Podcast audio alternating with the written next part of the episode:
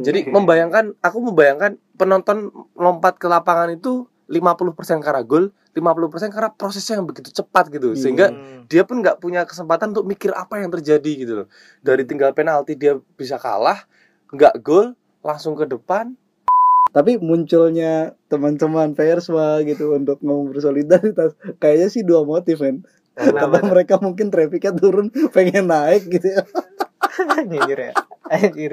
Pengen naik. pinter banget sih daripada aku sih saudara Pengen. Mau lapor polisi ah nanti ribet, ah nanti Iya. ini, ah nanti itu, ah nanti lama lagi. Iya. Itu kan Bayar. kita ah, per- intinya kan percuma mau lapor polisi. Mending ke orang pinter makanya orang Iya, pinter pernah banyak. habis di Indonesia. Untung potensi ini gak ada yang dengerin ya. bebas aja, bebas aja.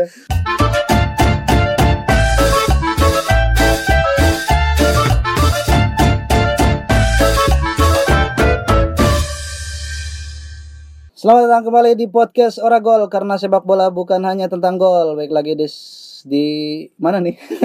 di podcast di podcast ala-ala ini ya masih episode 11 mudah-mudahan kita Ora-ora bakal gitu dong. Lanjut. Ora, ora. ora jangan marah marah Enggak, yang biasanya, bukan yang itu. Ya kan kita baru Hmm, oke. yang kekinian gitu loh Yang ini ya. Yang ramah SEO ya. betul betul. Yang terngiang-ngiang gitu kan. Pakai keyword. Pik, iya. Keywordnya jangan marah-marah. Waduh. Oke, di episode 11 ini. Ini tau nggak bulan Oktober ini tuh sebenarnya itu anniversary Oragol yang satu tahun men. Yang yang yang satu tahun. Cie selamat ya. Jadi- Selamat ya. jadi Oragol ini dimulai di tanggal berapa lah pokoknya bulan Oktober gitu. 28 Enggak, buat 28 itu ininya apa namanya? eh episode keduanya. oh Nah, jadi Oragol Trial gitu kan yang apa? episode Batistuta itu. Hmm. Jadi kita ngomongin ya apa nih, bahas apa nih? nggak tahu bahas apa ya udah kita bahas akil balik sepak bola kita aja gitu. Pertama kali nonton sepak bola tuh apa gitu-gitu. Tapi setelah setahun kemudian tidak belum menghasilkan apa-apa, belum ya, bukan Nah. tidak. Ya nggak apa-apa lah. Karena kita juga sudah mulai menggeliat dan mulai mempelajari gitu. Ternyata Twitter tuh kalau walaupun kita bukan siapa-siapa tapi kalau kita coba main nimbrung gitu asik-asik aja gitu Asik. sebenarnya. Ya nggak apa ya. Masih di squad yang sama ada saya Kelas Alfarisi sebagai host dan Arci Arvian. halo apa kabar Gimana? kita demo kan tadi demo Dari demo ya. Iya. Anda Iya. ke Eh, enggak Enggak. Enggak. Kali aja mau- demo ini media sosial Oh, demo media sosial. ikut naikin Kali aja biasanya kan kalau veteran-veteran kayak gue kan datang ke sana tuh Mantap. Oh, mot iya, iya, mereka motifnya sangat tahu motifnya tuh udah nggak lagi gini-gini paling depan tapi reunian hey apa kabar Oh, gitu. iya. Sekarang sibuk apa gitu. reunian sambil ini cari bibit baru Waduh. waduh Dari bibit baru. Ngomong-ngomong soal bibit nih. Tindermu? Gimana Tindermu? Eh, selama seminggu pemakaian ya Mhm. dan atas eh, belajar sama kamu Riz Loh, kok belajar? Iya. jadi saya udah ada belasan yang match Dengan Hmm. bantuan fitur premium juga sebetulnya juga ya. Eh, iya eh, iya dan itu bodoh sih harusnya Iya. kenapa harus premium Ya, respect lah. Archie ini ya salah satu temanku yang punya effort gitu untuk hidup bahagia gitu. Total pleasure. Iya, iya, ya. total pleasure dan da- dan sebenarnya itu yang hal yang paling realistis untuk dilakukan gitu. Nggak cuman berlindung dari quote-quote gitu. Ah, kita pengen betul, kita betul, pengen bahagia setuju. cuman kita pengen bahagia cuman kerjaan kita tiap hari itu cuman apa namanya reupload re-upload quote kayak gitu quote ya gitu kan, ada kata-kata bijak Eh, eh, itu kayak sakau apa namanya ngeplay sesaat habis itu gelisah lah gitu. Wah, tapi Archie ini respect Ya sekali kan? gitu. Gusmu kan juga bilang kayak gitu Apa tuh? jangan jadi orang yang setengah-setengah Oke. ya Jangan jadi mediocre. iya kalau mau lakuin ini brengsek brengsek sekalian Iya, oke. Baik, Kalau- baik sekalian. Heeh. Oke, siap, siap, siap. kalau ingin menyenangkan hati menyenangkan sekalian Oke, iya. gitu Terus ada teman saya satu lagi nih, gitu ya biar kita kenalin aja biar bisa nimbrung ada Rehan Majid. Selamat malam. Malam, hello lads. Gimana nih? Setelanmu nggak berubah ya? Emang personal brandingmu Iya. sekarang kayak gini? Apa gimana nih? Soalnya emang kultur sepak bola itu nggak bisa dipisahkan dari fashion sebetulnya. Oh gitu ya? Iya, itu, iya, itu iya. salah satu hal yang membuat aku sebenarnya tertarik di sepak bola. enggak enggak kan ini pendengar ya bukan penonton jadi gimana sih fashionmu hari ini tuh dan kok ya bisa? kowe lah gambarin ngapain dia suruh ngegambarin sendiri. Tahu. jadi jadi si apa namanya Rehan tuh sekarang pakai kemeja pakai celana kain gitu emang MU itu menggambarkan kayak gitu rapi bukan formal MU, gitu bukan MU coy. Bukan MU, bukan Apa? bukan bukan formal. Maksudnya eh, aku pernah baca dan pernah diskusi beberapa kali soal tradisi kul- atau kultur supporter sepak bola di dunia ya, saatnya di Ah. Inggris dan di Italia juga. Itu mereka itu sejak dulu itu ke apa namanya? ke stadion itu berdandan rapih ibaratnya kayak gitu. Dalam sudut pandang eh, kita ya misalnya dilihat tuh rapi Hmm. atau mereka menyebutnya casual gitu Hmm. kayak ke kantor gitu loh iya iya kayak kantor iya. rapi. casual kan nggak rapi rapi Santai. cuy. santai ya Santai. santai rapi bebas tapi sopan gitu tapi, anda sopan Tapi- kami segan tapi pelatih pelatih emang dulu pakai jas jas gitu ya. tapi sekarang udah mulai dihilangin bukan karena aku nggak tahu ya kalau pelatih tapi di Iya. di ranah supporternya nih oh oke nah kan salah yang satunya lihatnya juga pelatih ya bisa juga tapi dalam kasus ini kenapa mereka berangkat dengan rapi seperti itu sebetulnya atau casual terlihat biasa aja nggak terlalu mencolok karena itu sebetulnya juga punya eh, hubungan dengan mengelabui polisi coy kok bisa Jadi memang salah satu kecenderungan sepak bola luar tuh kan emang sering terjadi crash antar supporter ya sebetulnya. atau tiket jebolan apa gimana enggak crash supporter atau kericuhan atau Ah. apa pun. Nah, supaya kita cepat berkamuflase di tempat umum oh dan segala macam aku itu, pernah aku pernah kayak gitu Kita tuh dari awal tuh udah. Iya. Jadi kan Oke, banyak kan oke. supporter tuh ya Iya. berdandannya sama kayak orang jalan-jalan di Iya. trotoar kayak gitu. aku pernah pernah Paling kalau pakai jersey ya Nah, dia pakai jaket juga. eh, aku pernah tuh pas habis bakar pas polisi. Maksudnya Iya maksudnya awalnya awalnya item-item kan. Langsung Oh. kita di tas ada jersey bola gitu. Jadi Arseto Solo. kenapa harus itu solo ya? Bayar muncen gitu loh. Muncul coy aku coy. Eh City City. Hmm. habis bakar-bakar ya itu kayak itu mengelabui. Hmm, jadi gitu. Ya. Intinya itu itu Ah, itu polisi itu aku suka gitu. gaya mereka. Dan Eh, ketika apa namanya ya kita melihat itu ya sebetulnya kan gaya yang keren ya. Di Indonesia kan juga dulu digalakan kalau nggak digalakan sih kayak BCS ya setahu aku dulu nggak apa mengkampanyekan ke stadion tuh pakai sepatu segala macam lewat chance ya oh, misalnya hmm, segala macam. kalau mau Hmm. dulu kan orang pakai celana tiga perempat sandal Hmm. jepit pernah tuh jersey PSS udah langsung jadi- ke stadion tapi sebenarnya Ah. juga nggak apa-apa sih ya nggak apa-apa tapi jadi ini kan soal pernah- kultur aja iya. sebetulnya Ji pengalamanku nonton ke stadion tuh bener gitu apa namanya kayak BCS tuh nyeruin semua supporter itu pakai sepatu karena Hmm. mungkin dibully kali ya kalau misalnya ada supporter yang pakai sandal ya pakai sendal atau sendal gunung gitu Kowe meh muncak cok gitu Kowe meh apa gitu. Meh ngangkreng tai ngangkring swallow kan. Atau itu persiapan nanti bakal bentrok biar tendangannya lebih cocok? Ya kalau pakai sepatu Ya, daripada- fans mah ya iya. bolong lah. Iya kan? Tetap daripada sendal kan? Habis nendang gini sendalnya copot tilak Iya, dia bingung sandal malah. Enggak lah. Apa namanya? Gue tuh ngurangin makin ke sini makin ngurangin apa namanya stereotip fans dengan kerusuhan gitu. Karena oh gitu ya. kerusuhan itu bukan hal yang dimaui oleh semuanya gitu. Hmm. gitu apa supporter dan rusuh gitu. Ya bukan kemauan supporter gitu ada sebetulnya. tapi. Ada. Dan Ah. banyak. Iya. Iya tapi kan sebelum masuk namanya? lapangan minum dulu mereka. Iya gitu. Tapi kan tidak bu, rusuh itu bukan hal yang diinginkan Iya. makanya makanya untuk menjaga agar sepak bola ini bersih dari berbagai macam tindakan brutal gitu kan Hmm. ya itu kita kita apa namanya kita kurang-kurangin aja tuh menyematkan mengait-ngaitkan gitu kan Hmm. supporter dengan kerusuhan. kerusuhan gitu. Karena kerusuhan juga siapa sih yang mau mau chaos gitu kan? Semua orang cinta damai men. Iya iya. Ya gitu. Nah ngomong-ngomong cinta damai nih yoi. eh tapi tunggu deh. Tapi, tapi dia tunggu deh. tunggu dong. Serius, serius deh. asik ya asik ya ini serius ya. Tapi ngomong-ngomong soal kerusuhan ya maksudnya apa namanya? Ya sebut itu hal yang nggak dimaui semua pihak Riz. Yoi dong. Cuman menurutku itu adalah citra yang sebetulnya sedang coba dibangun citra baru sepak bola Mm-mm. modern football Mm-mm. itu yang coba dibangun ya keteraturan karena sudah sangat industrialis Mm. kapitalis Yoi, yoi. yang list-list lah pokoknya Iya, iya. sehingga ya struktur atau pola pekerja mereka itu ya seperti di pabrik sebetulnya sama aja sehingga Hmm. harus tertib apa segala termasuk mungkin kultur supporternya ya coba menghilangkan tuh citranya baik-baik aja. Karena Iya, mungkin iya, supaya ramah family friendly kayak gitu gitu Mm-mm. padahal sebetulnya root mereka akar mereka itu ya kekerasan. Iya, iya. antar supporter. Bayangin San Lorenzo Boca Junior lawan River Plate itu nggak usah jauh-jauh. Iya oke. Kan katanya PSIM sama PSS Pasopati.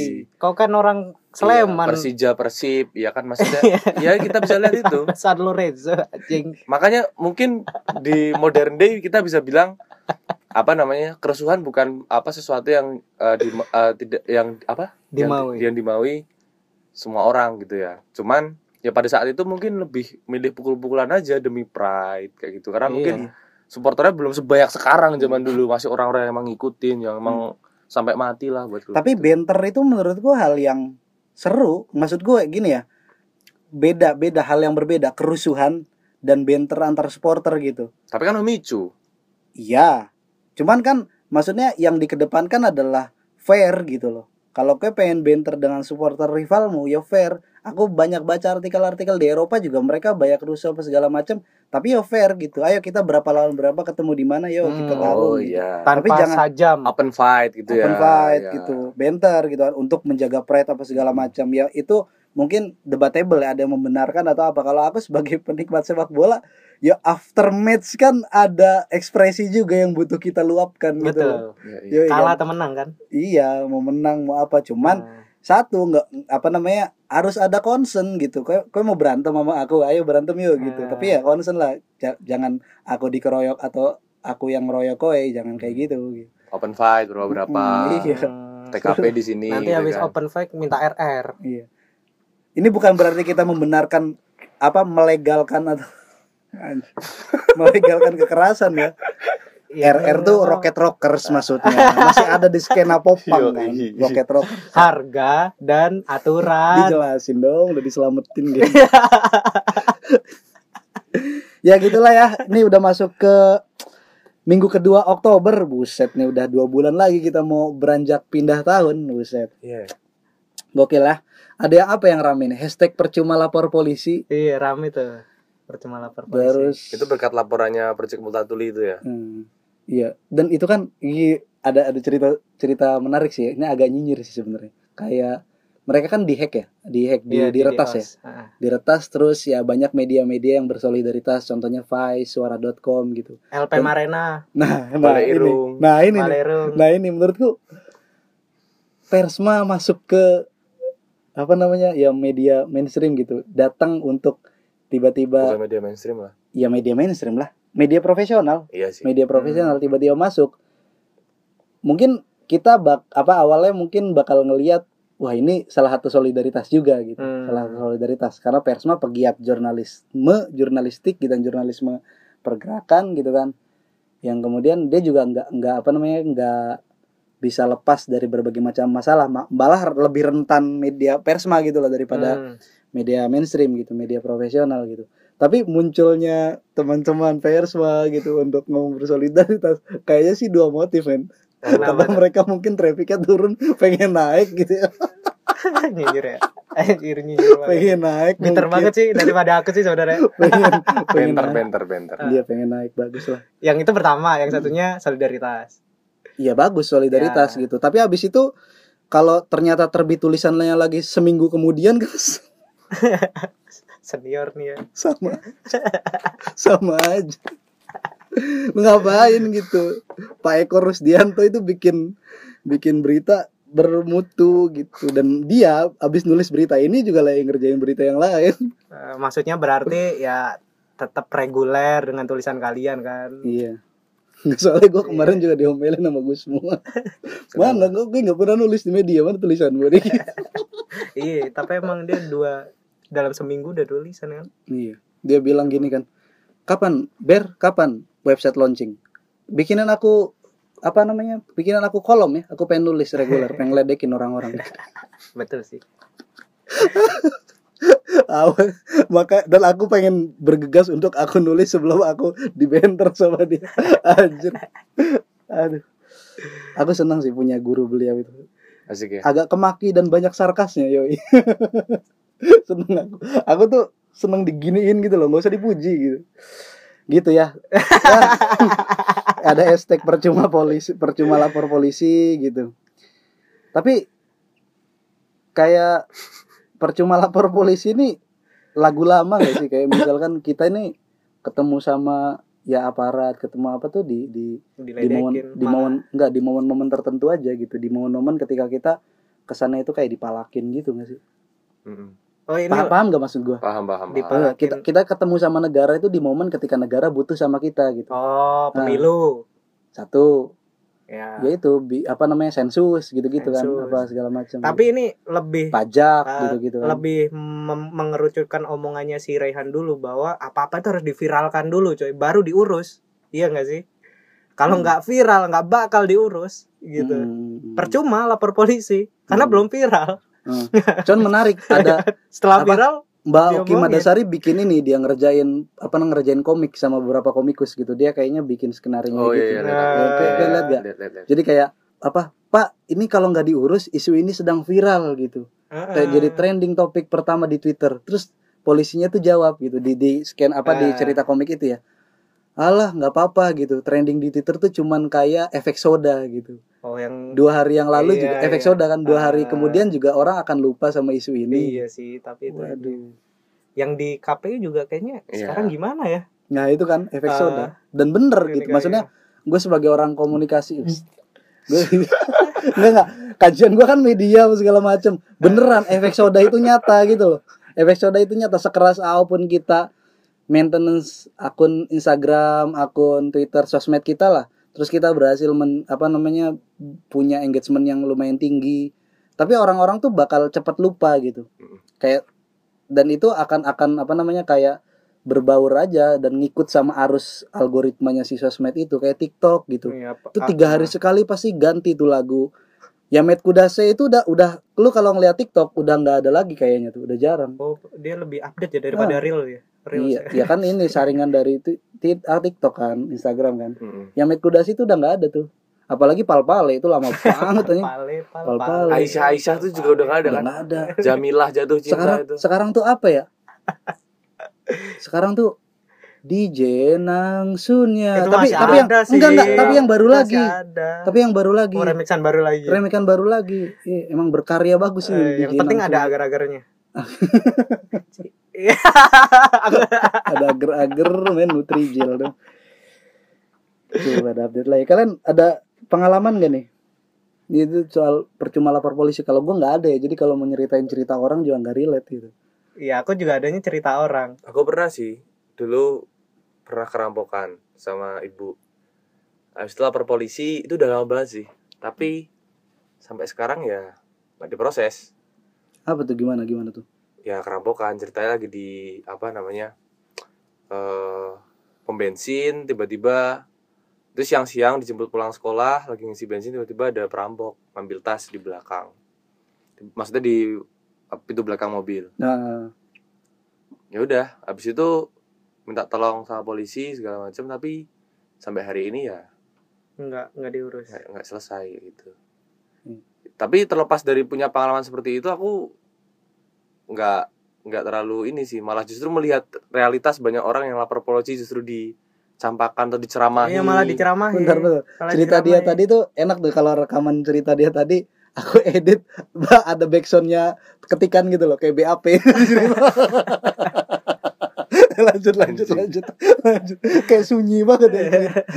Tapi iya tapi serius. Maksudnya tanpa harus punya pengalaman saya apa aku ngerasa orang-orang pasti juga ikut bersolidaritas misalnya dalam bentuk ikut hashtag tuh Iya, emang banyak sih Hmm. yang Iya. nan- yang sebetulnya mereka akhirnya- mungkin nggak punya pengalaman yang dia testimoni Kayak ya gitu, testimoni iya. percuma lapor polisi Mm, tapi mungkin tanpa dia harus punya pengalaman pribadi dia sudah melihat lingkungannya ya atau temennya Ah. kayak aku gitu aku Mm-mm. juga ada dan temen. itu nggak perlu selalu menurutku ya nggak perlu selalu sampai tahapan proses kita sudah melapor dan nggak di apa digubris gitu bahkan kita Hmm. mikir kayak mau lapor polisi ah nanti ribet ah nanti Iya. ini ah nanti itu ah nanti lama lagi iya. itu kan Bayar. kita ah per- intinya kan percuma mau lapor polisi Dan mending ke orang pinter makanya orang pinter Iya, nggak pernah banyak. habis di Indonesia banyak, banyak. iya lebih Wah. solutif iya, solutif ya. meskipun nanti nggak ketemu ya seenggaknya dia puas gitu loh Iya, oh ini gini gini gini tersembunyikan Iya. oleh orang. masih kehilangan ah, ini mau orang deket ini iya dia Nah. bilang, aku pernah ada kan sebetulnya kan si si orang pinter itu cuma meyakinkan argumen dia. Iya. aku yakin dia pasti berangkat tuh ah jangan-jangan ini jangan-jangan ini. Terus teman dekat oh fix. Tapi dia tapi dia se seenggaknya si orang pinter ini punya apa sih? punya Meyakinkan. ijazah komunikasi Iya, ada ada ada tanggapan ada tanggapan effort untuk membantu gitu loh. Iya, Hmm. meyakinkan. Ah, nggak malah gitu loh. denial gitu loh. Apaan Ah. sih gitu. Bukan- Malah Kalau malah- polisi iya. tuh impresi pertamanya tuh udah kayak Kamu sih, Iya gitu. kayak gitu. Ah, Jadi itu nggak enak. kamu ini. itu gitu. perlu dididik publik apa PR public relationship itu loh. komunikasi publik. Iya, komunikasi publiknya tuh perlu kalau korban pemerkosaan tapi kamu menikmati juga kan Nah, Nah, itu tuh kan juga. apa? Kalau di dukun ya, tetanggaku tuh pernah kehilangan Mio, ya kan? Mio ini apa nih jelaskan dong Mio apa nih? Mio? motor. oh motor Kan aku udah bilang motor. Motor Mio Matic. Iya, ya motor kan? dong. 2007 Hmm. ya kan Iya. nah dia tuh juga sama kayak kamu bilang tadi Han ah malas kalau ke polisi nanti ribet gini gini gini gini gitu Dia udah udah stereotip kayak gitu duluan. iya ya? udah Hmm. langsung ke dukun nah pas di dukun ini ya wah pokoknya dukunnya tuh udah langsung Iya. Enak gitu loh bawaannya. Aku kan juga masuk motor kamu gitu. hilang ya? Ih, Loh, kok bapak tahu? Enggak enggak enggak langsung gitu Ada di belakang. kamu menang undian. Enggak. Ada apa keperluannya bapak ibu gitu. Langsung dengan agak panikan tetanggaku. Eh ini mbah Mio saya hilang. Motor motor. Motor Ah. Mio saya hilang. Oh di mana hilangnya? gitu. Kalau saya tahu mas saya kagak ke sini enggak anjing enggak.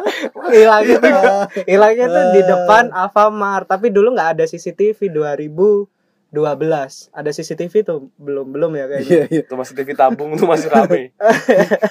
Nggak ada CCTV nah makanya langsung dia bilang pokoknya plat nomornya ditulis di sebuah kertas langsung dibuntel sama kain putih. Nah itu langsung di nanti ini Sulap enggak pokoknya jadi merpati anjing ini beneran cowok Iya.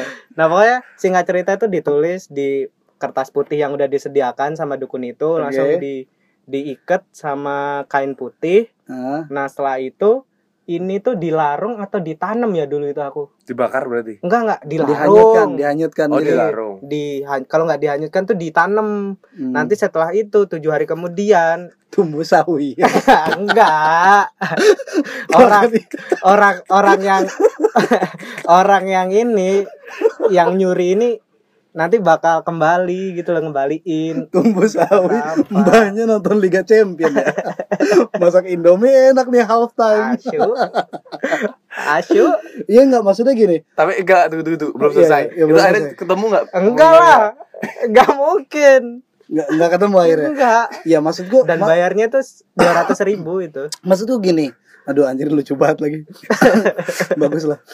Enggak maksudku gini, kita mau men- apa mau menya, mau menyalahkan atau atau menyangsikan orang-orang yang kena masalah kemalingan apa namanya ya ini ke orang pintar, kita mau menyangsikan itu. Tapi di sisi lain kita ngelihat kenyataan bahwa apa oh, pihak yang berwajib dalam tanda kutip pun dalam kondisi nggak bisa diandalkan Iya. gitu loh. Terus siapa kita mau berserah ke siapa gitu? iya nah si tetanggaku itu kan setelah dari dukun tuh hatinya agak tenang gitu loh Nes. Hmm, Maksudnya sebenarnya mungkin yang dia ya udahlah ini Mio nggak apa-apa lah hilang. Yang penting hatiku tenang. Mungkin Iya, aku iya. gitu ya. Ah, karena kayak ada udah ada yang menjamin dalam arti menjamin walaupun ya seminggu kemudian nggak ada tuh Iya, Mio iya. kembali kayak gitu tapi kan Iya. hatinya dia tenang nggak was was lagi ah, maksudnya ada ada ada ada kepedulian atau simpati juga yang di Ah, yang dikeluarkan gitu loh. walaupun ya bego Ketika ada tolong. orang yang ngadu, ya simpelnya gini lah ketika ada temen lu temen lu curhat masa permasalahan masa kita mau kayak lu sih tolol ya kan ma- makin ya besoknya Iya, udah, dia udah udah mau cerita lagi ke dia kan Iya. Se- setidaknya ada itu gitu Iya. loh lah di di apa namanya aku kan juga pas awal-awal apa namanya viral tagar percuma lapor polisi kan. Mm-mm. juga ada tuh yang komen gini bapakku polisi kakak iparku polisi kakakku yang pertama polisi ketika aku kehilangan motor percuma lapor polisi. Gimana coba? Epic banget kan itu. Bapaknya polisi anjing sekeluarga polisi ya tuh. Iya, Bang. tapi dia ke- masih kehilangan motor iya dan dan Itu nggak lucu bisa sih. diurus Itu atau ironi dong. iya Itu makanya ironi. epic itu Hmm. Aduh. Tapi emang apa namanya ya di apa terlepas dari kita ketawa-ketawa memang kasus yang apa namanya yang berawal kasusnya Ya. itu yang di yang diberitain sama Mas Eko Rusdianto di Hmm. apa namanya? Project Moda tuh Project Muldatuli itu ini sih apa namanya parah banget sih itu. biadab sih itu Iya. Maksudnya ya udah nggak diurus terus didoxing lagi gitu kan identitasnya dibuka apa segala macam dan ayah kandungnya tuh Ah. perlu di apa kontrolnya diputus. Waduh. Leon Greyjoy. Diganti Kinder Joy. Untung potensi ini nggak ada yang dengerin ya. Bebas aja bebas aja. Terus apa lagi nih Oktober nih? Yo, percoba lapor polisi terus ada langsung aja ya ke update-update Indonesia sepak bola karena ini lagi lagi internasional break. Kau mau bahas apa lagi? Coba coba nggak ada kan? City Liverpool. Iya Ya, langsung ke bola aja lah gitu. Kita lihat update-update. Timnas kemarin menang by the way. Iya dua satu. 2-1 ya. Dari Siapa? China Taipei. cetak gol pertama siapa? Ramai rumah kick. Bagus coy. Itu nggak ada pemain-pemain hebat di Eropa yang caps pertama kali langsung nyetak gol. Indonesia ajaib memang ramai rumah kick dan Evandi masih ah gua nggak nonton. Kalau kalian berdua nggak tahu kalau kalau nggak nonton ya mantengin di Twitter aja gitu. Baik mantengin di Twitter dan yang ngelihat highlightnya ngelihat live nya katanya ya bahkan after matchnya pun banyak yang bilang ya ini permainannya cukup menghibur gitu. Karena Lum- menang aja tuh. eh, lumayan lah mainnya Itu cukup ya. menghibur gitu. Dan permainannya bener-bener taktiknya berjalan taktik yang Dan di ini sama ini coach apa? Sintayong itu match pertamanya ya Aris ya iya match Iya kan pertama match pertama match, match resmi pertamanya maksudnya itu kan playoff jadi playoff. kualifikasi Piala Asia oh maksudnya Oh. match pertama di Iya. kualifikasi Enggak, negara-negara enggak, lain udah, kayak. Vietnam, Ah. Thailand, Malaysia itu udah terundi dalam apa namanya undian grup-grup kualifikasi Hmm. Indonesia, Indonesia. harus diadu ulang sama Guam Iya, sama Kamboja Iya. ya. Ya, gitulah nggak apa-apa ya. ya mungkin efek dari karena kita ada pernah disangsi kali. karena ada yang lebih mungkin karena kita kan bertiga nggak ngelihat ya Mm-mm. karena mungkin ada yang lebih hebat kan bulu tangkis kan kemarin juga Iya. Iya, Gitu. Indonesia bulu tangkis mah tidak usah dipertanyakan. Walaupun kemarin kalah ya dari dari Malaysia Sudirman Cup tapi ya nah, Indonesia Sudirman Cup. Nah, Indonesia bulu tangkis lah jago. Makanya bulu tangkis jadi olahraga paling populer. Tapi ini bukan bu- podcast bulu tangkis ya. ora ora bulu tangkis Ngapain kita bahas gini? Oras mes ora smash oh ya ora smash Bagus. buka ris buka Bikin ya. eh, Bikin oras mes. ora smash ora smash gung gung gung gung Kirain motor wung wung wung. bagus, bagus. Indonesia menang dan dua leg ternyata. Kirain gua langsung masuk gitu dua leg. Nanti ada di leg kedua main kemarin di mainnya di mana sih itu main di Taiwan. di Taiwan ya Nah, di Cina Taipei. berarti udah away itu udah ya Enggak, iya nanti dong. nanti ada ya kan home away kan Ah, dua leg kan itu nanti away, kayaknya nanti main itu di away itu ya? sini. Ah. Ah. Tuh away nanti kayaknya main di Indonesia.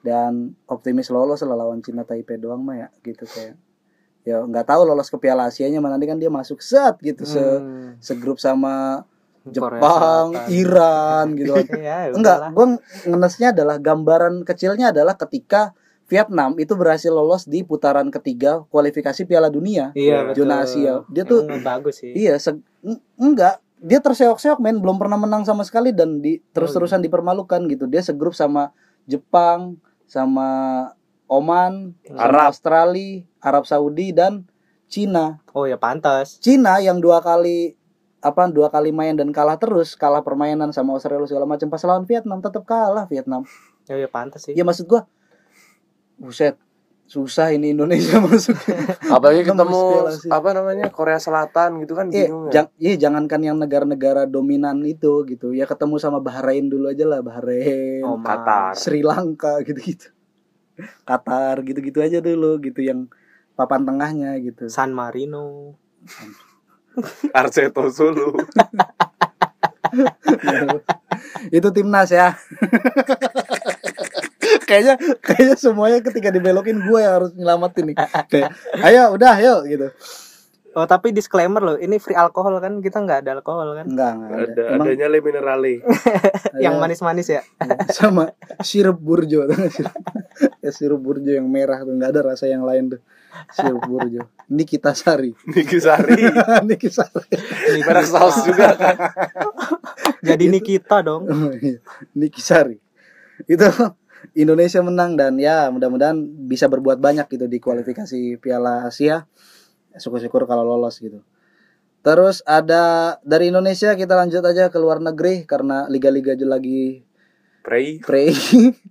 Jadi ora gol, Lu nggak ada gol kan, ora gol, nggak ada Hmm. gol. Tapi walaupun tidak ada gol dan tidak ada pertandingan, tapi ada info yang benar-benar jadi perbincangan dan trending topik gitu. Newcastle berhasil diakuisisi oleh Pangeran Salman, apa Muhammad bin Salman, Oh, kira Pangeran Sihaan. bukan dong. Pangeran bin Salman. Jadi singkatannya MBS men, yo. Muhammad Iya. bin Salman ya. Iya. Muhammad bin Salman. Jadi dia Ah. berhasil mengakuisisi Newcastle dari asli siapa pemiliknya itu sebelumnya itu Yang- Sebelumnya pemiliknya hmm, asli cool bu asli cool Mike. Ashley, Mike Ashley. Mike Ashley ya Mike Ashley. Mike Ashley nggak tahu gua dananya karena itu bukan ya ya intinya di itulah di, di, Ah, diakuisisi Dan gitu fansnya bahagia Ah, banget. dan intinya ini semakin menambah gitu jumlah klub dengan uang apa dengan uang kaget gitu loh Money power ya. uh, dengan money power yang baru di Liga Inggris setelah ada Manchester City, KPR juga tapi dia investasi bodong kayaknya. Iya. Terus mana lagi tuh? Enggak enggak Yang di Liga Inggris. Liga Inggris. Klub-klub kuat yang tiba-tiba dapat apa? Chelsea, ya Chelsea. Chelsea, terus nih pendukung Chelsea pasti nggak setuju nih. Apa Chelsea? Ya nggak tahu lah. Ya Chelsea. lihat sejarahnya cowok Tottenham tuh termasuk nggak? Tottenham tuh siapa yang punya? Levy. Iya, Levy. Ya Levy ya. Nah, ya termasuk sih. sebenarnya. Terus dia uh, bisa bikin Leicester, stadion baru. Leicester juga kan, Leicester, Leicester, yang dapat ini. Dan dan semua banyak media-media itu ya ber apa namanya berasumsi gitu terus kayak Tapi kalau menurutku Leicester tuh bukan uang kaget, coy. menduga ya ya bukan bukan bukan ini kayak alih-alih ini kayak Erick Thohir beli ini Hmm. beli Inter waktu itu kan Iya, tapi ya bar- prestasinya kan ya masuk Ah. gitu. Da- enggak maksudnya yang jadi obrolan adalah makin banyak orang-orang yang nanti mensejajarkan Newcastle sebagai klub papan atas ke depannya artinya persaingan di Liga Inggris bahkan makin ketat gitu Hmm. ketat di mana ya perebutan juara perebutan tiket Liga Champion bakal ketat banget gitu Berarti Ya. udah nanti bisa Big Seven ya, udah nggak Big Six lagi. Iya, ya. makanya kan dulu kan Big Big Seven. Four. Ah, langsung Big Big, Six. Six. Sekarang Big Seven mungkin ya. Big Six Arsenal masih masuk Big Six ya Tahu. Udah mulai bagus kok, coy. Tapi Arteta Arteta ini loh, jadi pelatih terbaik ya. Pelatih iya, udah mulai terbaik bulan bagus. September ya. Arsenal. Bagus lah Kita- Arsenal. Objektif kita itu. Jadi ngomongin soal Newcastle itu dia dibeli dengan mahar eh, kurang lebih 300 juta pound sterling.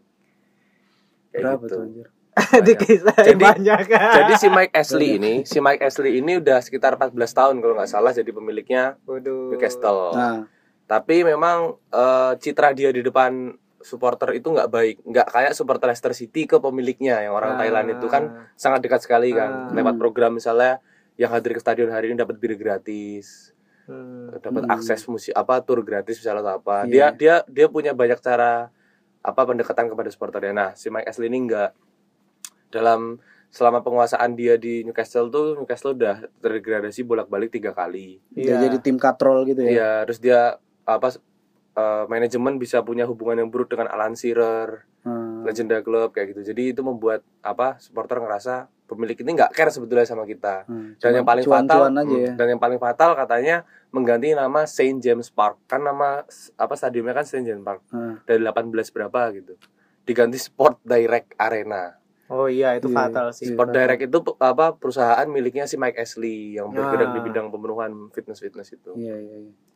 Tapi yang menarik sebetulnya ini aku bacanya di The Flanker ya.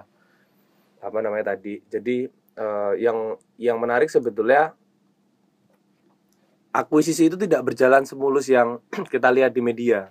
Hmm. Oh, Oke, banyak media- banyak ini ya, banyak ini. Di media kita ngeliatnya diumumkan terus di depan St James Park The Magpies sudah berkumpul, Iya, The terus Magpies. udah nyanyi-nyanyi, udah udah, NU Mania. hmm, udah apa Tun Army, Tun Army. Oh, iya. Tun Army namanya, Eh. bukan bukan NU Mania. Asli jangan marah, marah. udah joget mereka udah pesta.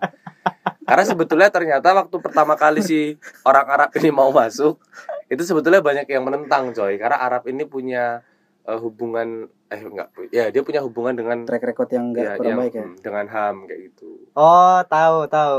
Hmm. Nah, itu. 19 klub juga kayaknya menentang juga. Iya. Hmm. Ada kayak organisasi kemanusiaan gitu dikabarkan juga ngasih apa namanya ngasih pertimbangan gitu kayak Ya. kayak ngasih Oh iya. nasihat itu. gitu ke pihak Amnesty. Premier League ya. Amnesty, Amnesty. Internasional. ngasih wah ini orang apa namanya investor dari Arab Saudi ini punya track record jelek di masalah Ah. kemanusiaan dan Betul, betul. eh, Qatar gitu saingannya gitu nggak tahu nih ini ini kayaknya sentimen atau apa cuman kalau misalnya dilihat objektif ya di permukaan dia bilang ya apa namanya ya sebaiknya Premier League pikir-pikir gitu Ah, pikir-pikir bersih. untuk. Untuk Arab Saudi masuk ke Newcastle Ah, ah. apalagi dia masuk ke Premier League Yang karena siapa itu, Riz? Qatar Bein Sport Hmm. Bein Sport kan punyanya Qatar Hmm. karena apa namanya banyak apa namanya orang-orang Arab Saudi nih investor-investornya salah satu track recordnya adalah dia yang pembajak siaran gitu loh Hmm. yang Oh, yang dia siaran. ah, ini ya, melegalkan istilahnya. ya ya. melegalkan apa namanya siaran bajakan gitu Makanya di Jadi, Twitter tuh pasti Arab-Arab siaran-siaran ya. negara-negara Oh berarti Afrika bukan bukan amnesti. bukan kok amnesi Oh Jadi berarti dua hal dua hal dua Oh, hal track record yang di dianggap kurang bagus gitu loh oh pembajakan Nah, sama. pembajakan sama isu ham itu kemanusiaan Oh oke. kayak gitu tapi Gitu. ya apa namanya dibalik nggak mulus itu pak tapi taken kontrak juga kan akhirnya Iya, jadi Iya, eh, resmi apa juga. namanya majalah resmi supporternya Newcastle namanya The Mag itu dia bikin sebuah survei ke pendukungnya Hmm, bikin jajak, Newcastle. jajak pendapat Hmm, gitu ya iya. Dan hasilnya sebetulnya lebih banyak nggak peduli sama ya embel-embel Arab Saudi ini punya masalah ABCD. Mereka Hmm, nggak peduli penting karena mereka udah muak Hmm, dengan Mike Ashley. iya. Ya. Dia penting pengen- keluar dulu Ya, lah. wes gitu. itu serah mau gimana. Ah. Dan yang keren tuh salah satu supporternya mungkin kalian juga udah baca ya. Ketika diwawancarai dia bilang "Eh, saya nggak ada masalah sama investasi ini. Lihat Manchester City. Iya Mereka mendukung dong. investor dan sekarang mereka berbangga dengan apa yang mereka capai. Iya dong. Iya, iya, iya. Ya itu modern day football kan kayak gitu ya Ah, sebetulnya. Ke mana kapital itu bergerak kan? iya iya Yo, iya. Iya, ya. yang pasti walaupun diinvestasi sama orang Arab ya klub-klub itu ya Manchester City gitu. Di, diinvestasi sama Sheikh Mansur ya mainnya tetap di Manchester kan gitu kan. Karena dengar-dengar ada klub Liga 2 yang Mau yang- dipindah. Iya, apa enggak enggak Rans Cilegon tapi nggak pernah main di Cilegon udah gitu. Iya sih. Oh, ini Eh, klub mungkin ini Des, perizinan stadion masih belum. ya mungkin. iya Ya, kan. mungkin cuman Tapi lebih banyak nggak mungkinnya. mungkin. Karena nggak ada supporter di Cilegonnya nggak Iya. kenal. Kalau ngomongin supporter City juga yang berapa kapasitasnya berapa? Misal 60 Bahkan Pep, ribu. iya bahkan Pep ngeluh gitu. Ah, Ayolah nonton ayo lah. dong, nonton. iya, dong, itulah kan makanya gitu. Ci, itulah makanya kenapa sebetulnya di situ terlihat bagaimana tim itu sebelum investasi masuk, ya dia punya pembat, apa basis pendukung yang cenderung loyal Hmm. dan Hmm. biasanya lokal. Heeh. Bayangkan dulu semisalnya Manchester United sebelum eranya Fergie aja deh, eranya Matt Busby kayak gitu. Ya itu ya supporternya ya orang-orang Manchester. Hmm. Ya Mancunian itu supporternya. Heeh. Mereka yang berduka memperingati tragedi Munich dan segala macam karena mereka punya kedekatan dengan itu semua. Iya, ketika investasi masuk ya tetap pendukung aslinya tuh ya segitu iya. Oke, tapi berarti yang di yang luar kayaknya- itu global fans Ah. Kayak sempat sempat mutung terus bikin United of Manchester itu. ya eh tapi kalau City kan emang dia nggak ada kayak basis sejarah ya. Kalau ada nggak? Ada nggak? Menurutku nggak ada City. City. City itu ya se kan? sebelum masuknya Syekh Mansur ya kalau sebutannya Sir Alex Mediocre, Ferguson tetangga yang berisik Iya mediocre aja kan. iya dia bukan bukan siapa-siapanya dia Iya, ya di Manchester ada hanya ada satu klub ibaratnya kayak Eh, gitu Kalau The Magpies Newcastle kan menurutku dia adalah klub yang udah punya sejarah gitu dan meskipun di Pernah- era iya. Premier League belum pernah juara Tapi dia Ah. Liga Inggris pernah juara dua kali. iya Liga Inggrisnya iya Ah. tapi di era Premier League-nya belum kayak Iya, Liverpool baru sekali baru sekali. kayak gitu tapi ya belum kaya.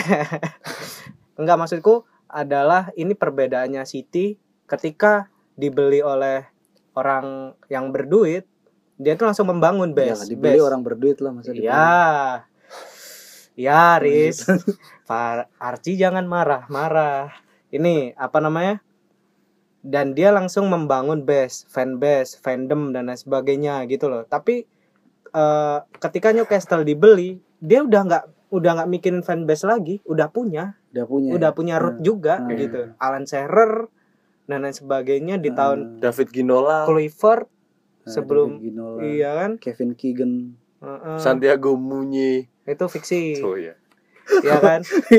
Malah dia yang ini ya, itu fiksi. Oh, iya, udah tahu, udah tahu. Awalnya kita tahu. awalnya aku tadi percaya Des Oh iya.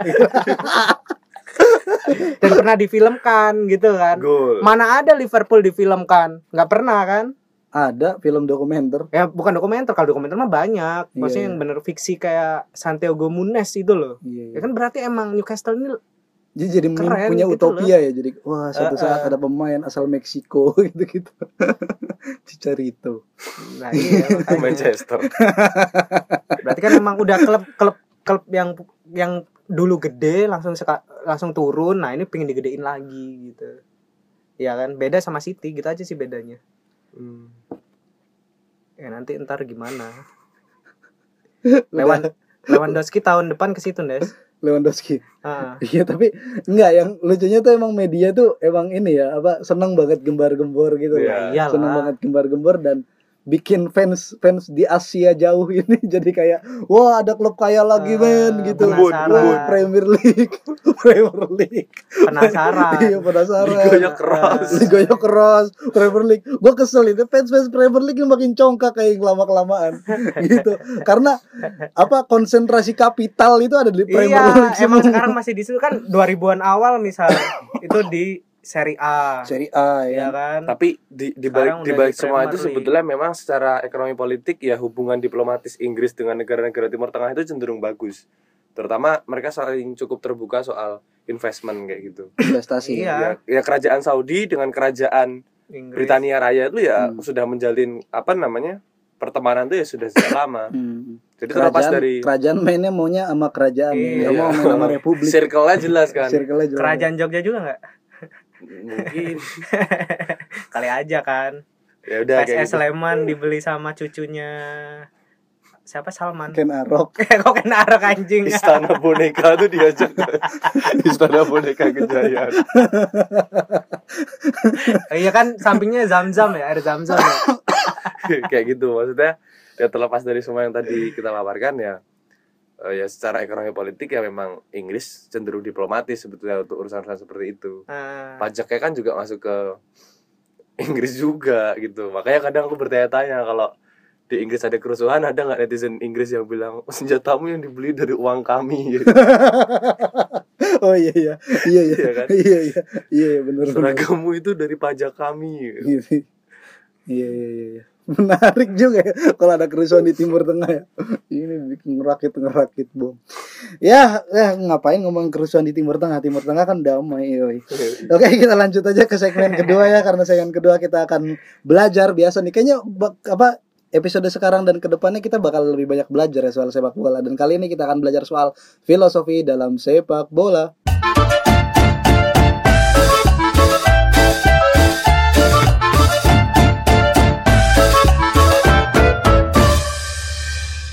Ya balik lagi di podcast Oragol. Bagus kayak gitu. Tapi Bagus nggak kayak gitu?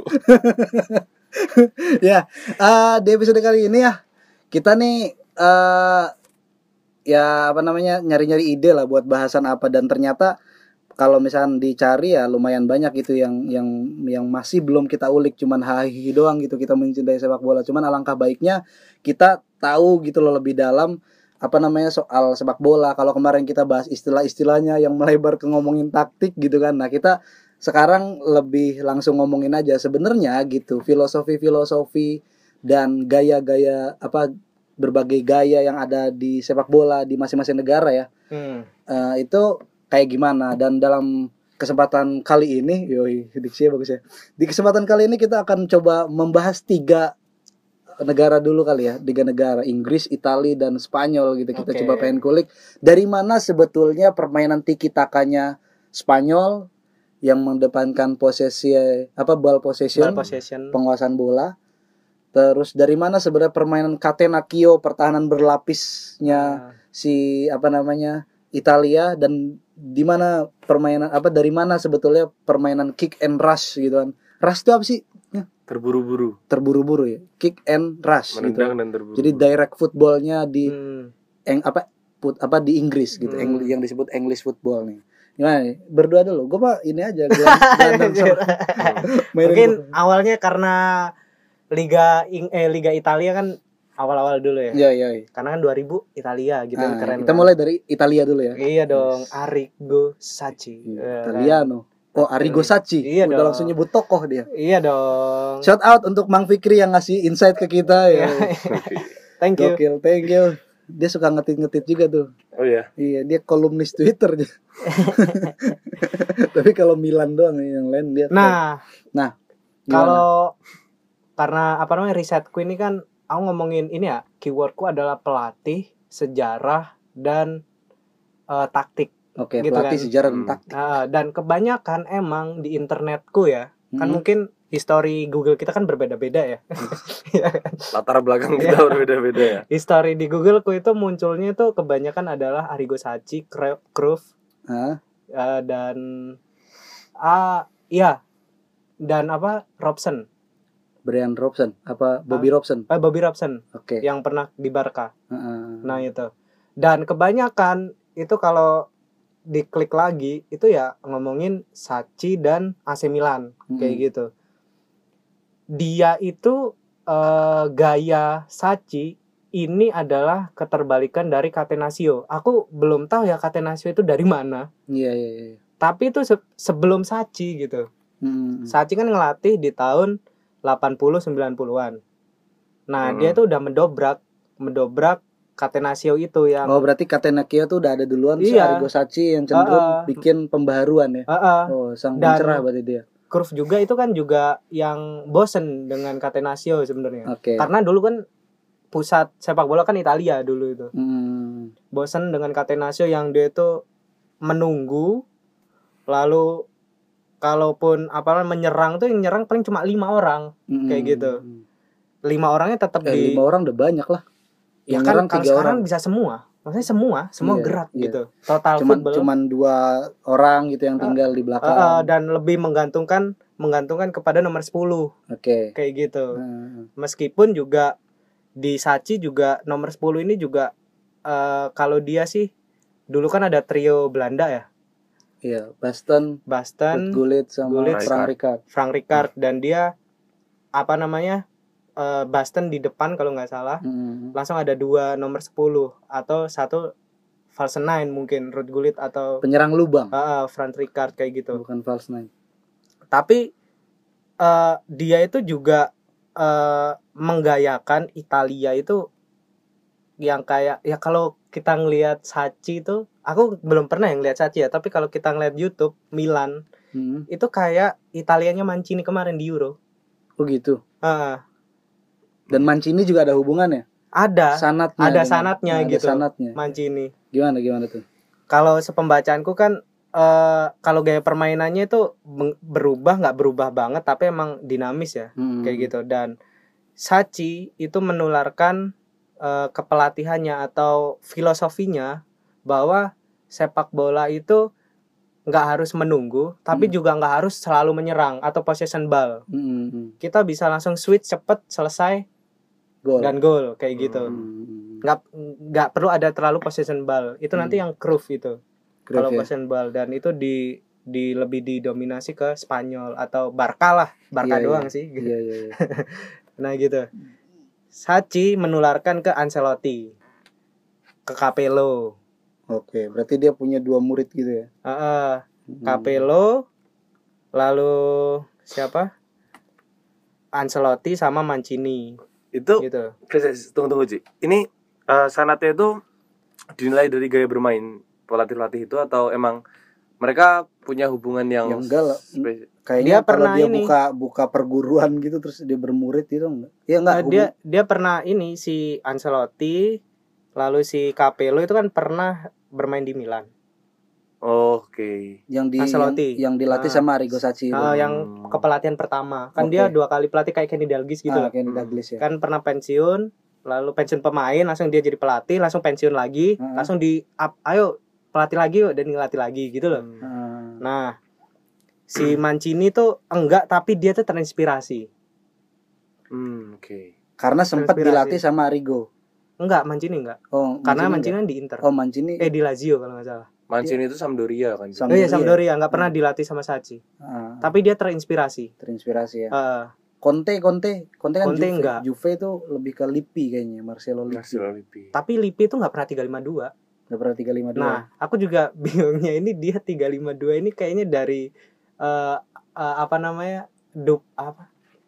Di ATM amati, tiru, modifikasi. Nah, Hmm. modifikasi Catenaccio. Catenaccio dulu 352 gitu. Catenaccio dulu 352 dan Ah, kan 433 Ancelotti jadi 433 kan, tapi 433-nya bukan 433 slot gini. iya, tapi 433 cemara. Cemara. Nah, nah itu Sachi, Sachi Hmm. banget tuh. Kayak gini kan. Jadi ada belakang nih penyerang lubang nih, Eh, eh. ya kan. dan Mancini kan sebenarnya kan tiga tiga lima dua Hmm. tapi ketika dia nyerang tuh bisa empat tiga tiga bisa malahan tiga enam dua Oh, jadi ini apa namanya di transisinya ya. Eh, karena emang dinamis banget sih tapi emang inspirasinya Sachi dia Hmm. kayak gitu langsung setelah itu Sachi punya cucu cucu yang menginspirasi dia eh Ah. yang terinspirasi oleh dia kayak eh Sidorf Oh ya si Dov. Gennaro Gattuso Gennaro Gattuso. Inzaghi. Fili- Filippo yang Filippo Inzaghi kalau Simone Inzaghi nggak tahu dia terinspirasi atau enggak kayak Iya. gitu tapi emang mereka ini terinspirasi oleh Ancelotti Ancelotti terinspirasi oleh Sachi gitu jadi sanatnya kayak Sangat gitu nyambung ke situ ya. Eh, guru kan Guru. Maha gurunya berarti Maha Arrigo gurunya Sacchi ini ya.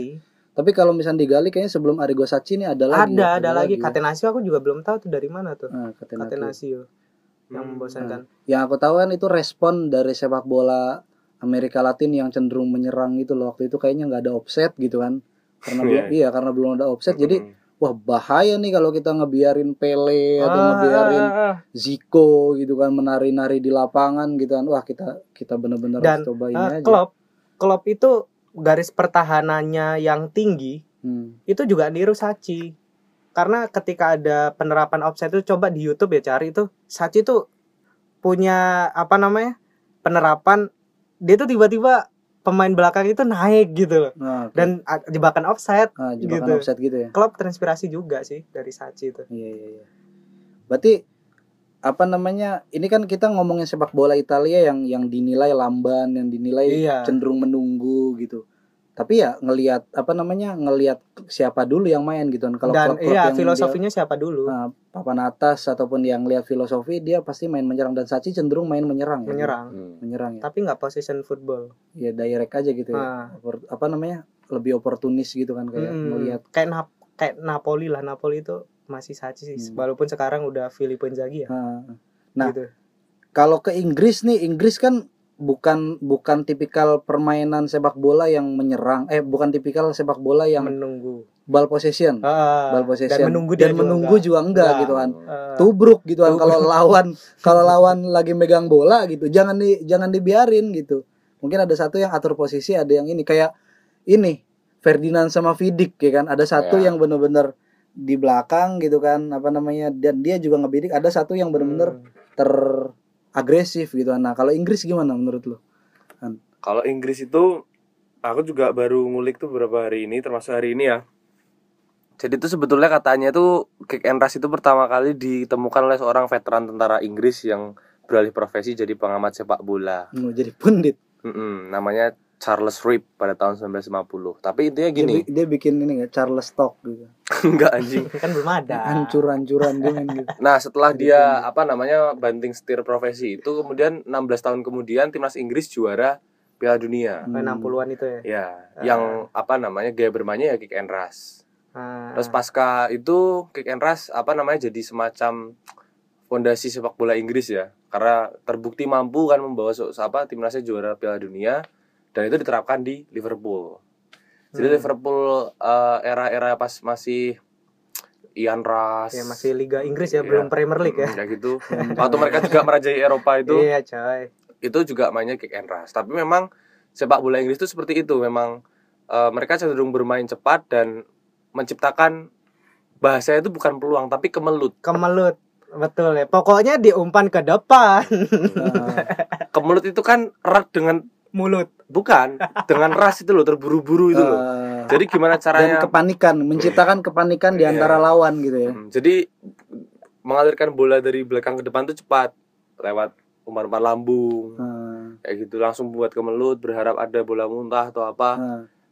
itu itu yang diambil kesempatannya Mm. Yang kayak ing- apa filosofi Inggris juga negara Inggris kan gitu Iya. apa Makanya dia sering menciptakan kemelut makanya apa namanya eh, kick and rush itu identik dengan sepak bola Inggris. Nah, apa untuk menjelaskan seberapa keras itu sebetulnya menarik juga di Padit Football ada artikel soal Tony Pulis oh iya Stock City Stock City, Stoke ya. City. Tapi terakhir itu kata kayaknya di Cardiff kalau nggak salah. Cardiff. Tapi sempat di West Brom juga. oh, iya. Nah, Cardiff. dia dia termasuk salah satu pelatih yang masih menerapkan pola bermain kick and rush. Bahkan disebut di apa namanya eh, depan itu dia menjaga tradisi sepak bola Inggris lewat iya. kick Sam Aller apa Sam Sam Allardyce itu juga masih sih Ya, penyelamat Allardyce. klub-klub degradasi. Iya, dia tuh. Tapi dalam tiga Tony. Pulis ini diperlihatkan ketika dia pertama kali apa namanya take over eh, kepelatihan di West Brom. Oke. Jadi ketika dia ambil alih kepelatihan di West Brom, pertandingan pertama itu dia langsung menciptakan 21 kali pelanggaran. tapi menang, Saya menang. tapi menang. Kayak gitu. Kayak gitu. Iya, keren ya. Apa jangan-jangan tuh kalau misalkan eh ya apa namanya yang yang nanti pengen gue coba bahas nih soal Spanyol kan Pep Guardiola gitu kan kemenangan itu bisa dia- diraih gitu. Peluang kemenangan itu kan semakin besar ketika kita semakin banyak menguasai bola gitu kan. Kalau Pep kan justru kalau kalau karena kita semakin banyak bertahan kemenangan peluang bahkan semakin banyak gitu diraih gitu karena kita ya lewat serangan balik apa segala macem gitu kan tapi kalau sepak bola Inggris secara umum gitu kemenangan peluang menang itu bakal banyak kalau kita tubruk-tubrukin main Iya. iya kan Tapi apa namanya? Masalahnya bukan masalah sih ya. Mungkin seiring berjalannya waktu ya kick and rush ini sebetulnya nggak efektif, dinilai nggak efektif. Makanya Dan sudah dinikmati. Iya, pertama nggak dinikmati dan kedua udah udah banyak ditinggalkan oleh banyak pelatih karena emang Hmm. udah nggak kontekstual mungkin kayak apalagi gitu. di Premier League gitu mungkin kalau di apa nggak tahu ya kalau di Championship ya atau di Liga 2 Liga 3 nya gitu kan masih ada kali ya Hmm. Bolton Wanderers yang udah lama kita nggak tonton Portsmouth. Portsmouth Derby County kayaknya sekarang ya main mainnya masih kayak gitu kayaknya Kalau kick and rush itu masalahnya sekarang itu udah Wanderers. udah ada offside dan offset itu kan menciptakan banyak inovasi sebetulnya soal Hmm. bertahan.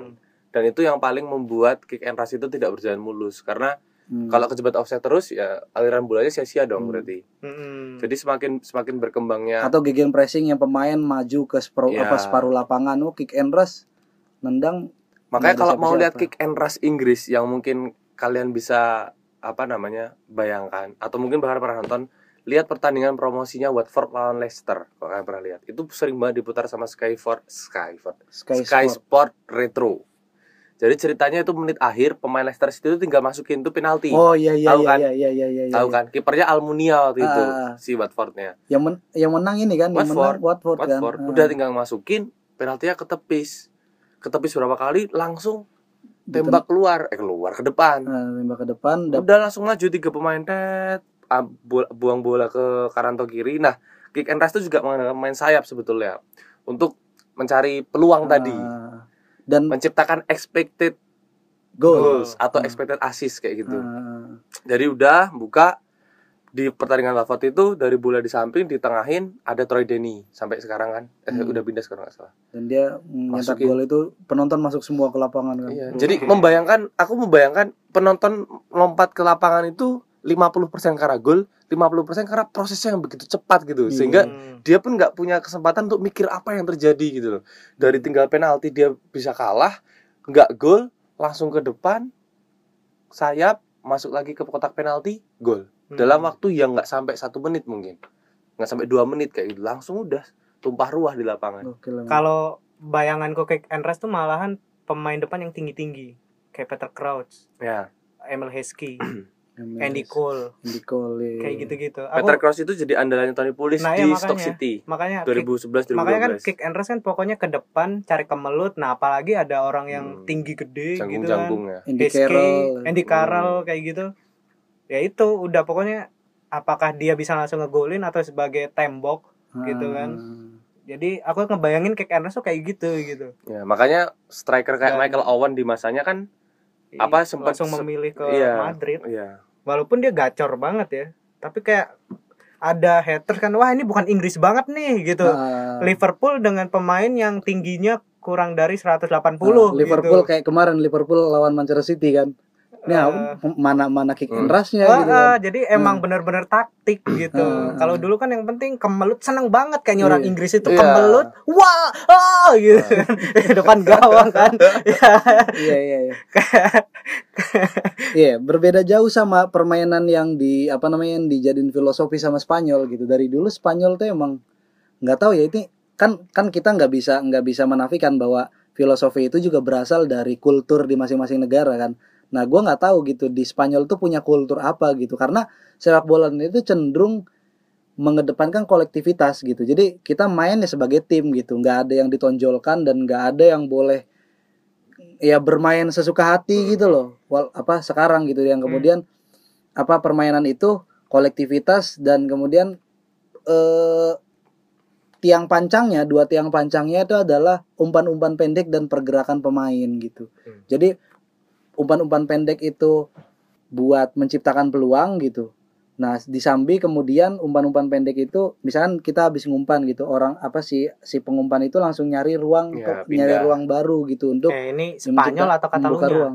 Enggak Spanyol. Oh, enggak Katalunya. Spanyol. Nah, pergerakan itu buat ngalirin bola kan Nah, buat ngalirin bola gitu karena dianggap gitu permainan-permainan yang kick and rush gitu yang langsung itu ya nggak efektif gitu Dan enggak enggak cocok juga untuk kayak pemain-pemain Spanyol yang, yang cenderung pendek Ah, gitu pendek, cenderung kan. pendek jadi yang diandalkan adalah penguasaan bola nah peng- sebenarnya penguasaan bola ini kan munculnya filosofinya atau keyakinan itu kan dari Johan Cruyff ya betul. seorang Belanda gitu kan yang sebenarnya Belanda kan punya total football dan tapi kita nggak bahas di sini ya Hmm. nggak tahu juga total football apa cuman tapi kan dia punya citra juga bahwa dia itu yang punya apa yang ngebangun Founding father ya. Bukan founding father ya dia pembaharu gitu loh Oh iya iya. pembaharu eh, filosofi bermain di Barcelona dan kemudian filosofi bermain di Barcelona itu di banyak Adopsi. diadopsi dan akhirnya sekarang beneran general secara umum jadi filosofi bermain sepak bola Spanyol gitu kan jadi apa kayak total total football kan kalau kalau gue ya taunya ya tadi total football menyerang dan bertahan secara maksimal pokoknya Ah. total aja gitu kan kalau lagi bertahan bareng berat sama apa Berat ringan sama, jinjing, berat berat sama di Dipikul. dipikul kan. Eh, kebalik ya. gitu. Tapi kan itu syaratnya syaratnya sama adalah transisi yang kuat gitu kan transisi yang kuat dan pemain pun harus prima. Sementara kalau misalnya dipraktekin ke pemain-pemain Spanyol itu kayaknya nggak mungkin gitu. Total football pemain pemain tiba-tiba ada di depan terus kalau misalnya lawan Inggris dengan taktik yang sebegitu cepatnya kan susah gitu untuk melakukan transisi. Makanya di dibikin aliran bola dari kaki ke kaki secara pendek dan kemudian pemain-pemain ini pergerakan pemain gitu dengan dengan cerdik gitu Hmm. kayak gitu makanya dan itu bener-bener works banget kan di Barcelona 2009 dan 2011 kan hanya nggak ada obat gitu kan lawan MU MU bingung mau gimana nih gitu kan Di, di Tapi, samping itu kayaknya eh, juga diperlukan peran-peran pemain kayak Messi, Pedro nomor 10, gitu gak sih? nomor 10. Iya, nomor 10, nomor 10 Eh, maksudnya ya. Di Ah, 2004 iya, bener, bener, bener. itu kan udah kelihatan tuh kayak Zinedine Zidane eh apa namanya Golos apa Los Galacticos pertama Hah? itu kan kelihatan banget bahwa eh, kecenderungan eh, gaya permainan eh, klub Spanyol itu tergantung banget sama pemain nomor 10. iya iya iya Aku tuh ngelihatnya gitu Luis Hmm. Figo. Nah, di timnas Spanyol kan Raul Gonzalez kan akhirnya Ah. kayak gitu. Eh Raul nomor bukan nomor 10 Raul. enggak maksudnya pemain nomor 10 nya Oh, oke oke Hmm. oke. Nah, kayak gitu hal-hal kayak gitu. Dan sekarang tuh udah mulai bergeser tapi tetap sih. Aku ngelihat masih nomor 10 ini masih kuat. Kalau kayak di Inggris kan semakin udah dihilangkan ya.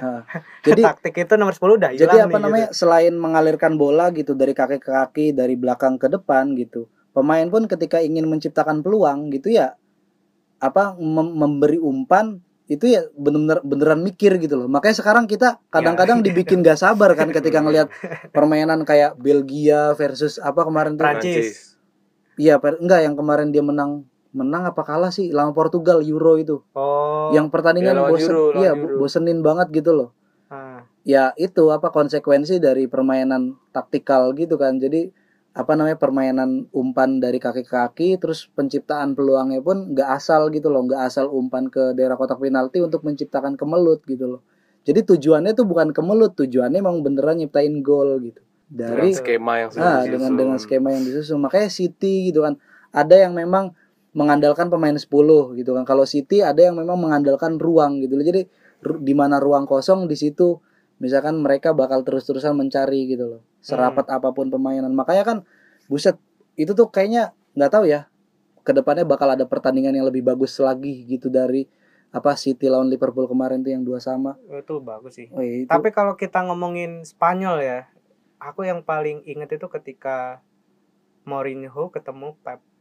oh iya Itu emang bener-bener kayak dua. tesis dan antitesisnya ya. Ah, dan Hmm. mereka berdua kan eh, sebenarnya ya apa melihat Cruyff itu juga terinspirasi kan Iya, iya, iya. Terinspirasi dari Cruyff dan mereka saling antitesis gitu yang Hmm. satunya possession ball banget Hmm. yang satunya sweet apa yang cepet gitu loh Jose Eh, Mourinho tuh kayak kalau kalau MU itu apa sweet change cepet Kayak- itu loh. kayak penyihir gitu loh Dari bertahan tiba-tiba langsung menyerang itu loh. wizard nih Itu kan keren banget apalagi yang Bell lari itu. hmm. ngelewatin Mark Bartra itu Hmm. ah jadi itu itu eh, menurutku epic sih itu satu pertandingan di Liga Spanyol yang aku bakal terus inget itu Hmm. Mourinho ketemu Pep itu anjir itu walaupun dulu Inter sama Barca di Champions itu itu sebenarnya juga iya tapi kan Inter terlalu negatif football kan hmm. nggak terbuka kayak pas di Real Madrid itu loh nah itu itu menurutku keren banget dan indah gitu loh Hmm. taktiknya gitu loh walaupun apa namanya Madrid itu nggak nggak nggak umpan satu dua nggak terlalu gitu dia itu tapi cuman lebih ke efektivitas itu loh Hmm. teng teng teng teng teng teng wah udah langsung di depan gawang Iya.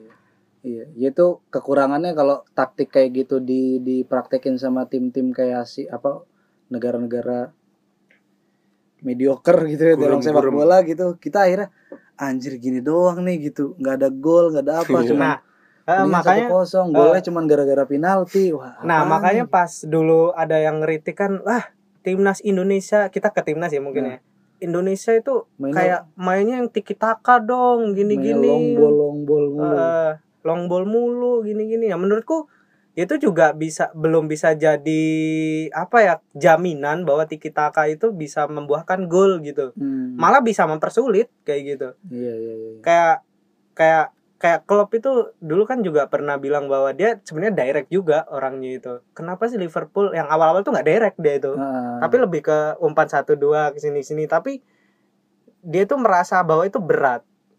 Bagaimana kalau direct lebih lebih memongkot misal ya kalau tiki taka itu dia memerlukan lima pemain dan 10 umpan gitu misal. Tapi kalau dia direct itu cuma dua pemain dan satu umpan dan udah bisa langsung ke depan gitu misal. Ah.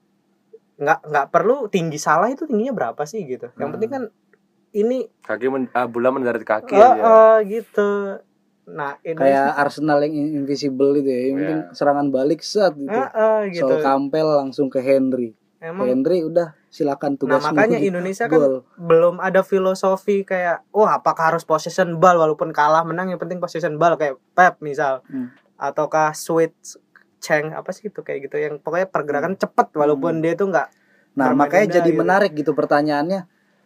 Pelatih-pelatih yang punya idealisme itu apakah dia mementingkan idealismenya lebih dari apa pun gitu atau dia jus, ya juga tetap nggak bisa apa tetap pengen punya meraih kemenangan. Jadi idealisme itu jadi alat aja gitu. oh ini yang menarik contohnya Conte Conte idealisme Eh, Conte Eh, dan art- Pep ya artinya enggak Eh. artinya kalau misalkan dia emang idealis banget gitu timnya kalah tapi main bagus nggak apa-apa gitu. Puas dia. Iya Eh, puas gitu. nggak kalau mungkin dia bilang bukan main bagus tapi main sesuai dengan filosofinya. Ah main sesuai dengan Eh, filosofinya Conte gitu. kayak gitu. Dia nggak peduli menang kalah. Yang penting main sesuai textbook. Iya, textbooknya dia gitu. Ah. tapi pada ya pada akhirnya berhasil gitu. Meski meski eh, eh, contohnya ini di Chelsea ya. Hmm. dia pertama di Chelsea dia langsung juara. Bagus banget gitu. Tapi ketika musim kedua itu dia langsung ancur-ancuran Hmm. ya kan? Dan emang banyak yang udah jadi antitesisnya 352 nya gitu. Hmm. tapi apa apa Chelsea Conte? Tiga empat dua eh tiga empat tiga. Ya 343 gitu. Dan langsung kan ih banyak kan supporter yang bilang ganti dong masa gini terus gitu. Tapi kan dia kekeh di situ. Hmm, kekeh gitu. Iya iya. Kalau pengubahan itu aku tuh ngelihatnya kemarin di Pep Guardiola. Dia dulu kan se apa senang banget dengan inverted uh, winger inverted apa? Yang pemain kiri eh pemain kaki kiri cutting di inside gitu ya. Ah, ah, taruh Hmm. kanan. Pas kemarin eh, lawan Liverpool Foden yang kaki kiri itu ditaruh di kiri. Hmm. dia nggak nggak mengandalkan inverted lagi gitu. Ah, jadi emang dia mengembangkan sekarang.